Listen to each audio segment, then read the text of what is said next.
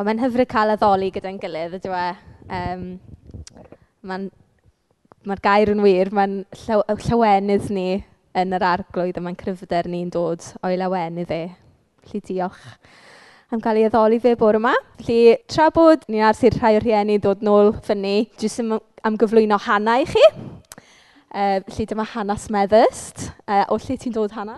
Llanelli. Yay! Llefelly. Just fi. Arwel. Come on Arwel.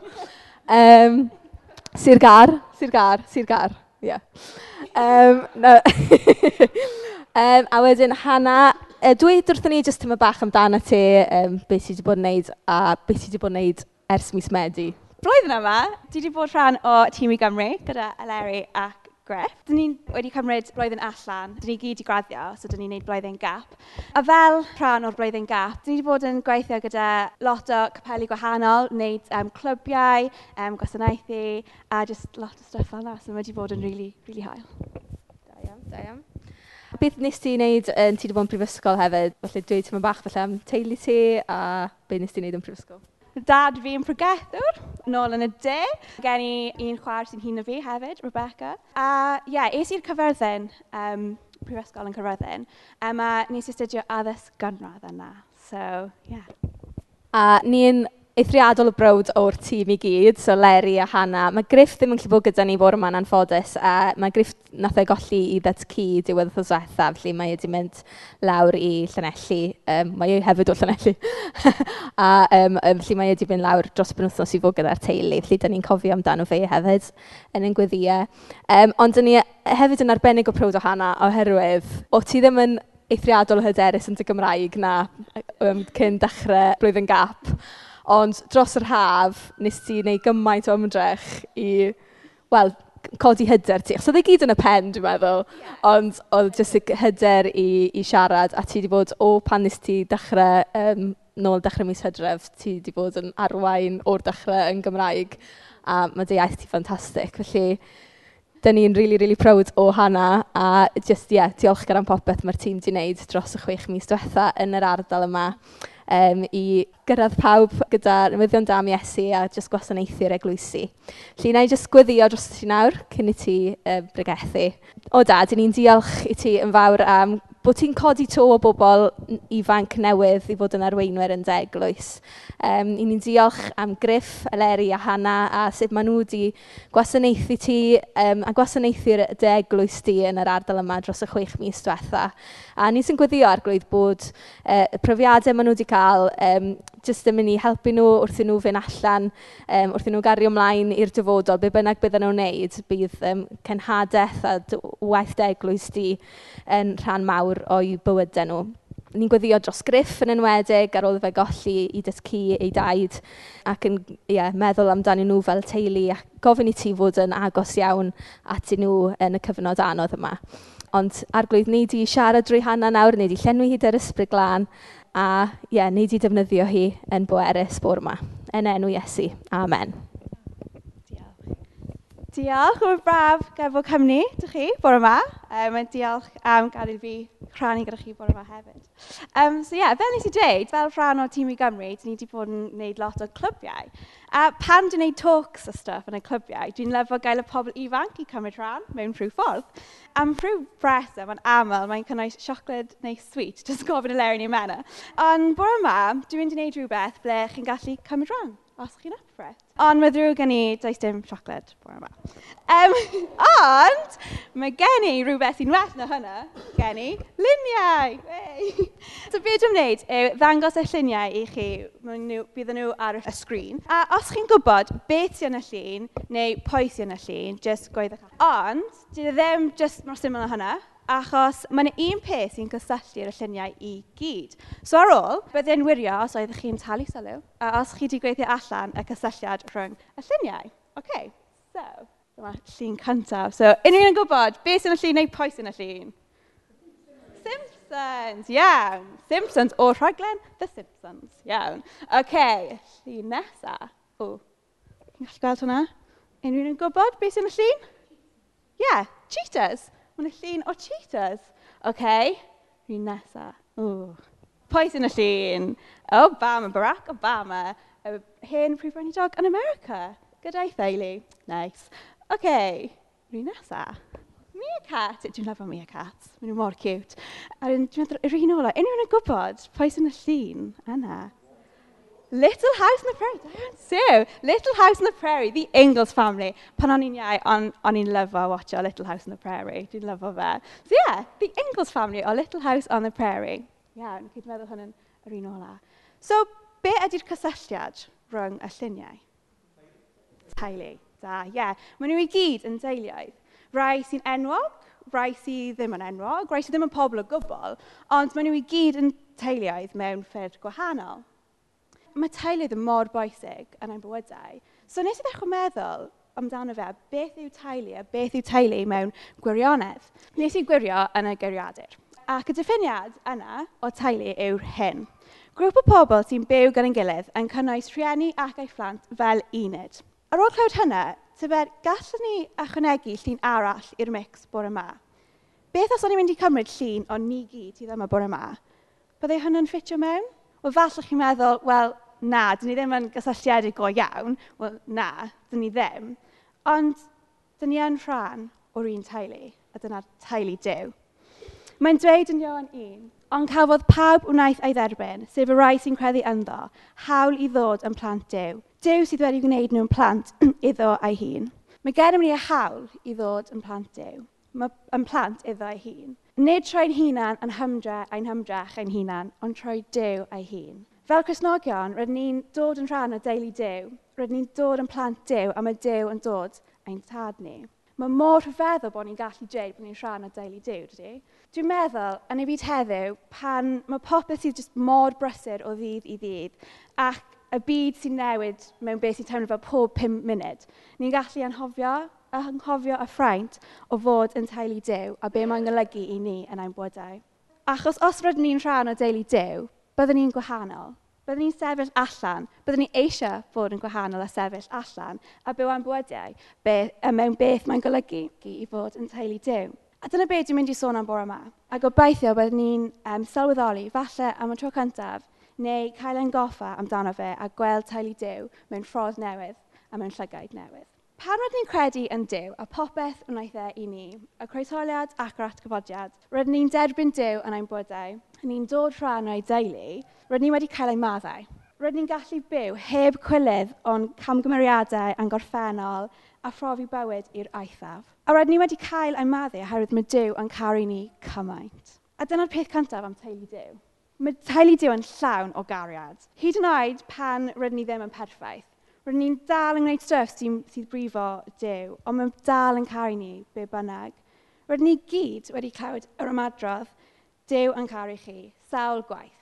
I'r pwynt ble nawr, rhai o pobl yn meddwl, a uh, ie, yeah, cariad eto, dyna just surface level, dydy ddim yn golygu dim byd. Just fel y ffordd mae pobl yn dweud, o, oh, dwi'n caru pizza, neu, o, oh, dwi'n caru fy nghar. Ond y cariad dwi'n siarad am bore yma yw cariad go iawn. Cariad sy'n ddyfnach na just cariad am pizza pan o'n i'n iau, o'n i'n aeth y ddrwg gweithiau. A dwi'n gwybod hynny bron yn amhosib i credu, ond o'n i yn. Um, so, jyst i roi cydest ni chi, cyn i dwi cario ymlaen. Um, yn tîn un o'r adre, mae yna drws um, sy'n cysylltu'r um, yr ystafell ffoeta ac y cyntedd. Um, mae yna gwydr gyda patrwm ynddo fe yn y drws. So, dwi'n meddwl, dwi'n meddwl actually oedd e'n gwydr original o pryd um, oedd y tŷ um, wedi ei adeiladu. Ond, so mae gen i un chwaer sydd hun o fi, Ac fel mae roedd yn neud, roedd ni'n dadlau. So i'n cofio beth oedd yn drosodd, ond roedd ni'n dadlau. So oedd y ddau o'n ni yn yr stafell ffoeta, ac o'n i'n mor annoed gyda fy chwaer dros rhywbeth, dim syniad beth, ond o'n i'n mor annoed bod nes i stormio i ffordd troi'r cyntedd ac i trio gwneud pwynt nes i slamio'r drws a chi'n probably gallu dyfalu beth digwyddodd nesaf, torodd y gwydr. Dwi'n cofio mam a dad yn rhedeg lawr y grisiau i weld beth yn y byd oedd y sŵn, ac dwi'n cofio o'n i'n told off big time. Ond wnaeth e ddim golygu bod nhw ddim yn caru fi dymau, achos nes i wneud rhywbeth oedd yn anghywir, a nes i wneud camgymeriad. Na, dim o gwbl. Ar ôl y cyffaffel, es i ddweud sori iddyn nhw, a chi'n gwybod beth? Wnaeth nhw roi cwtio fi a dweud, rydyn ni maddau ti, mae'n iawn dyn ni'n caru ti moyn na'r gwydr oedd yn y drws. Oedd rhaid i fi helpu glanhau y llanast nes i wneud a helpu mewn rhyw ffordd gyda'r gwydr newydd, ond dwi wedi cael, cael fy maddau. Fy rhieni yn caru fi er gwaethaf. Oedden nhw'n mewn rheswm i ddweud, Hannah, roedd ti'n dadlu gyda dy chwer, nes di actio mewn ffordd mor yn aeddfed. Dyn ni ddim eisiau gweld ti am sbel, achos ar hyn o bryd ti wedi brifo ni, a, wel, dyn ni ddim yn caru ti. Achos fel bod ei dynol, dyna sut ni'n teiddi ymlaen, mae'n cariad yn y model, ond wnaeth y rhain i ddim dweud hynna. A mae'n yr un peth gyda Dyw. Fel ein tadnefol, mae Dyw yn brifo pan ni'n neud stuff dyl ni ddim a'i wneud. Ond mae'n dal, mae'n caru ni cymaint i'r gwaethaf, achos dyn ni'n plant ef. Os dim rhaid ni glanhau llanas rydyn ni wedi gwneud, achos mae Dyw wedi gwneud hynna yn barod i ni. Mae'n adnodau amazing yn Effesiau tri. Uh, mae'n dweud hyn. Dwi am i chi a phobl ddew i gyd deall mo arithro fawr ydy cariad y Mesaia. Mae'n lletach yn hirach, yn uwch ac yn ddyfnach na dim byd arall. Just, wow. Dyna'r cariad dew ni'n gallu profi fel rhan o deulu dew. Cariad sy'n ddiamond, cariad sy'n mor arithrol ni'n methu deall yn llawn. Rydyn ni'n gallu byw yn gwybod bod ein caru, pob un ohono ni gan ein tad nefol. a nid yw'r cariad yn ymodol, dyn ni ddim yn ei heiddi, ond mae Dyw yn dal dewis i rannu fe gyda ni. Mae Dyw yn hollol mor reswm i droi gefn arno ni, oherwydd rydyn ni wedi brifo fe gyda ein pechod, ond dydy e ddim. Os unrhyw beth, mae fe'n caru ni mwy, achos dyn ni ddim eisiau bod fel yna. Rydyn ni eisiau gael perthynas dyfnach gyda fe a profi a'i chariad. Does dim unrhyw un neu unrhyw beth sy'n gallu sefyll yn y ffordd o gariad Dyw i ni dydy marwolaeth ddim yn gallu, na'r un profiad gawn ni mewn bywyd chwaith. Dydy angylion ddim yn gallu, na pwer ysbrydol, drwg, na dim byd yn y presennol nac yn y dyfodol. Dim byd yn gallu gwahanu ni o ddiwrth gariad Dyw a'n harglwydd Iesu Grist. Hyd yn oed gwydr wedi cael ei dorri. Um, mae fod rhan yn teulu dew yn golygu bod ni'n gallu car, um, profi cariad pennaf. Ydych chi wedi dod yn rhan o deulu dew? Neu os chi wedi, ydych chi'n byw bywyd yn gwybod bod Dyw yn eich caru? Peth nesaf yw cymdeithas yng Nghymru Dyw. Hyd yn oed rydyn ni'n gwybod fyddaiant, Dyw a chariad Dyw, mae'n gallu bod yn anodd. Byw yn bywydau fel Cresnogion, dydw i dy ddim yn golygu bod, bi, bod popeth, bydd popeth yn braf am byth. Byddwn ni'n mynd traedegau pan ni'n stryglo am rhyw reswm ni'n methu ymdopi ar ben y hunan. Salwch, straen, gwaith. Ond gan bod ni rhan o deulu dew, ni, rydyn ni'n gallu mynd syth at y dew a rhoi ein beichau iddo. Ond hefyd, mae yna mwy. So mynd nôl i diffiniad o beth yw deulu, um, wnaeth y dweud grŵp o pobl sy'n byw gan ein gilydd yn cynnwys rhieni ac eu phlant fel uned. Mae fe'n dweud grŵp o bobl. Nid jyst yr un person ar ben y hunan, ond grŵp. Ond nid jyst grŵp, achos mae'n dweud yn benodol plant. Nid jyst plentyn, ond plant. Mae yna wastad mwy na un. Dyn ni ddim ar ben ein hunan fel plant Dyw. Nid yn unig, mae gennym ni tad nefol, sy'n greit, ond mae gennym ni briodydd a chwiorydd hefyd. Mae fel un massive extended family. Cresnogion o gwmpas Cymru, Lloegr, America, Africa, maen nhw i gyd yn chwiorydd a briodydd yn Grist. Dyn ni byth ar ben ein hunan.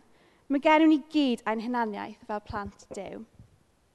Felly, rydyn ni'n gallu rhoi ein ymddiried ymddyn nhw ac yn dibynnu arnyn nhw. Rhannu beth yn digwydd yn ein bodau, ein broedrau, ein pryderon, a gofyn am help a chefnogaeth gan ein brodydd y chwiorydd.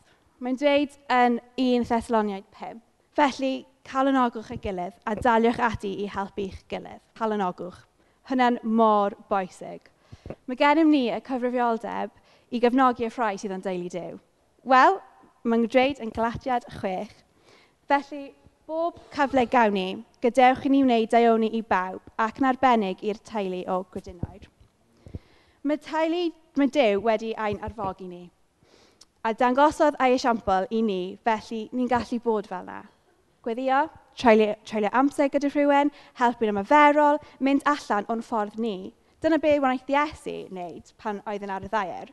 A wnaeth e ddim yn gadael unrhyw, unrhyw un i ddioddef ar, yn unig. Felly, dyna be dylen ni wneud hefyd. Dilyn ei esiampl um, a dderbyn yr alwad. Dyna pam mae'n bwysig i dod at ein gilydd fel Cresnogion mewn cymdeithas. Dydy pob teulu ddim yn perffaith, neu'r ideal family. Mae nhw wastad rhywbeth sy'n heriol nhw mewn rhyw ffordd. Rydyn ni'n gyfarwydd gyda stori o, o Ruth a Naomi. Roedd gan Naomi goed a dau mab. Oedd Naomi yn briod ar un feibion Ruth ac roedd Open briod i'r llath. Wedyn, daeth y teulu yna ar draws difrod. Wnaeth goi Naomi a mae maibion farw yn sydyn mewn amser fyr. Hollol dynistriol. Felly penderfynodd Naomi i fynd nôl i'w chartref. Dywedodd wrth rŵp ac Opa i fynd nôl i'w cartrefi hefyd. Ar ôl rhyw argyhoeddiadol, dyna be wnaeth Opa. Ond penderfynodd Ruth aros gyda Naomi achos a ddiwedd y dydd oedd nhw'n teulu. Dywedodd Ruth, dwi am fynd ble bynnag fyddi di yn mynd, a dwi'n mynd i aros ble bynnag fyddi di'n aros. Ac aeth hi ymlaen i ddweud, ble bynnag fyddi di marw, dyna lle fyddi'n marw yn cael fy ngladdau. Wnaeth nhw mynd troi'r caledu, ond oherwydd oedd nhw'n teulu, wnaeth nhw'n helpu ei gilydd. Roedd nhw'n gwybod bod troi'r adegau caled bydd dew yn ei bendithio nhw. Ac yn y diwedd, priod, priod Naomi a roedd ganddi hi fab. Pan mae rhywun yn talu dew yn mynd trwy'r amser caled, dylen ni bod fel Ruth. Sefyll gyda nhw a dweud, dwi'n mynd i fod yma i chi pa, mewn byb, pa, beth bynnag ffordd bydd yn helpu chi, achos rydyn ni'n rhan o'r un teulu. Mae yna quote gan Nicky Gumbel sy'n dod ei gilydd i gyd. A dwi'n lyfo fe. Mae'n dweud, Church is not an organisation you join. It's a family where you belong, a home where you are loved, and a hospital where you find healing. Dwi'n meddwl i'r co, dyna beth yw eglwys, a dyna beth yw teulu Dyw. Unig, unedig, lle rydyn ni'n perthyn. Lle rydyn ni'n earth a'n bodd a lle rydyn ni'n gallu iachau. Dyna rhywbeth sydd ddim yn mynd i newid yn dibynnu ar ein sefyllfa yn unigol neu gyda'n gilydd os rydyn ni'n bobl sy'n helpu'n gilydd a cefnogi'n gilydd, mae'n mynd i fod, mae'n mynd i gymryd aberth. I Naomi, a'i harberth oedd gadael ei theulu ac ei ffrindiau, popeth wnaeth i gwybod a popeth oedd yn gyfarwydd i hi er mwyn helpu Naomi. I ni heddiw, ein harberth yn gallu bod colli rhai o'n amser ni gan siarad rhywun, mynd allan o'n ffordd ni fel teithio i weld rhywun sy'n stryglo, neu hyd yn oed arian fel prynu coffi am rhywun. Ond dyna be mae Dyw yn galw ni i wneud fel rhan o'i deulu. Fel chymdeithas, sut ydych chi'n expresio cariad Dyw rhwng eich gilydd? Ydych chi'n fodlon i wneud e be bynnag yr arberth? Y pwynt ola yw sut ni'n rhannu cariad a bod yn oleini.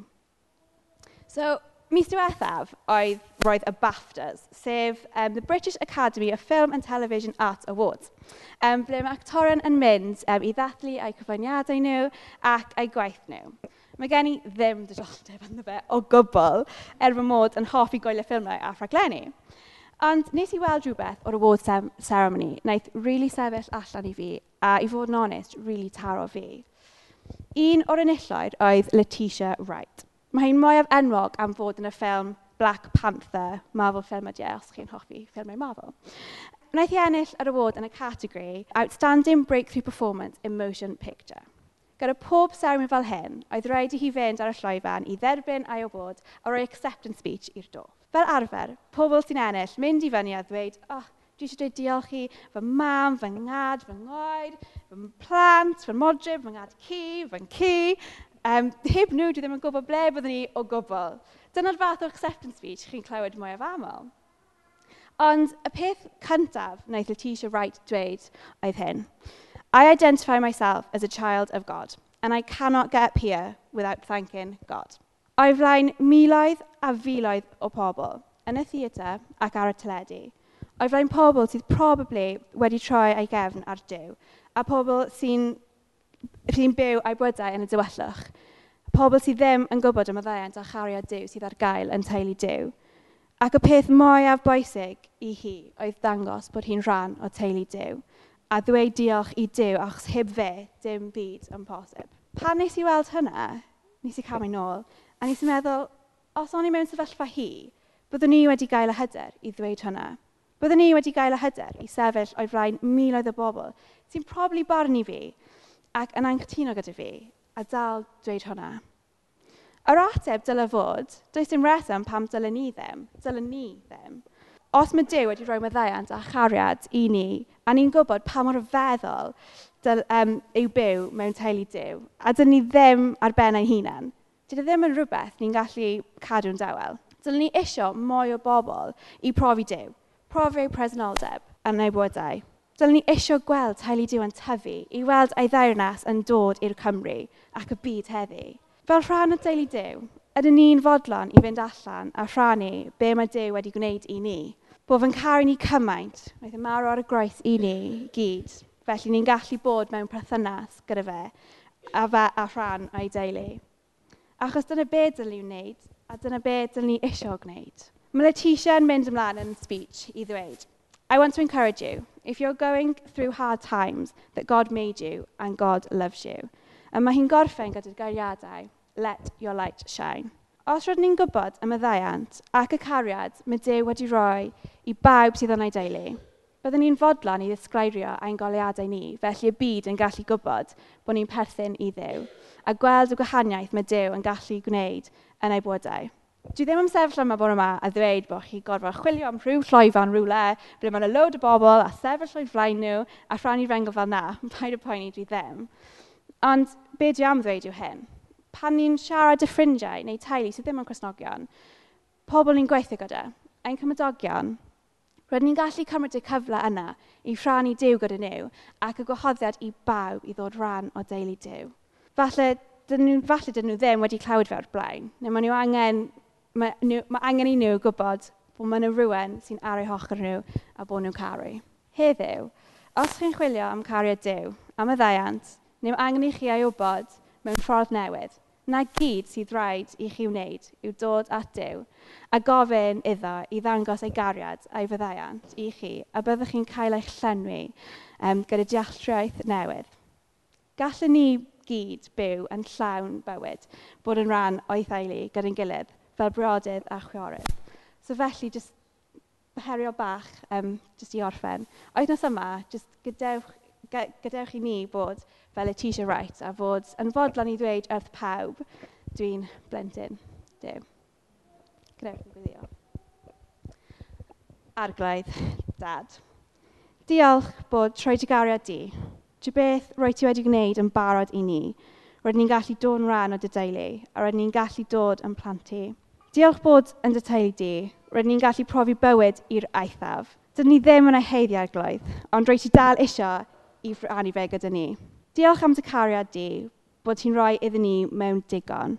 Cariad sy'n ddiamond, heb ddechrau neu gorffen. Helpa ni fyw am bwydau yn gwybod bod ni'n caru a phrofi fe bob dydd. Diolch bod mae gennym ni briodydd a chwiorydd ynddo ti a bod ni byth ar ben ein hunan.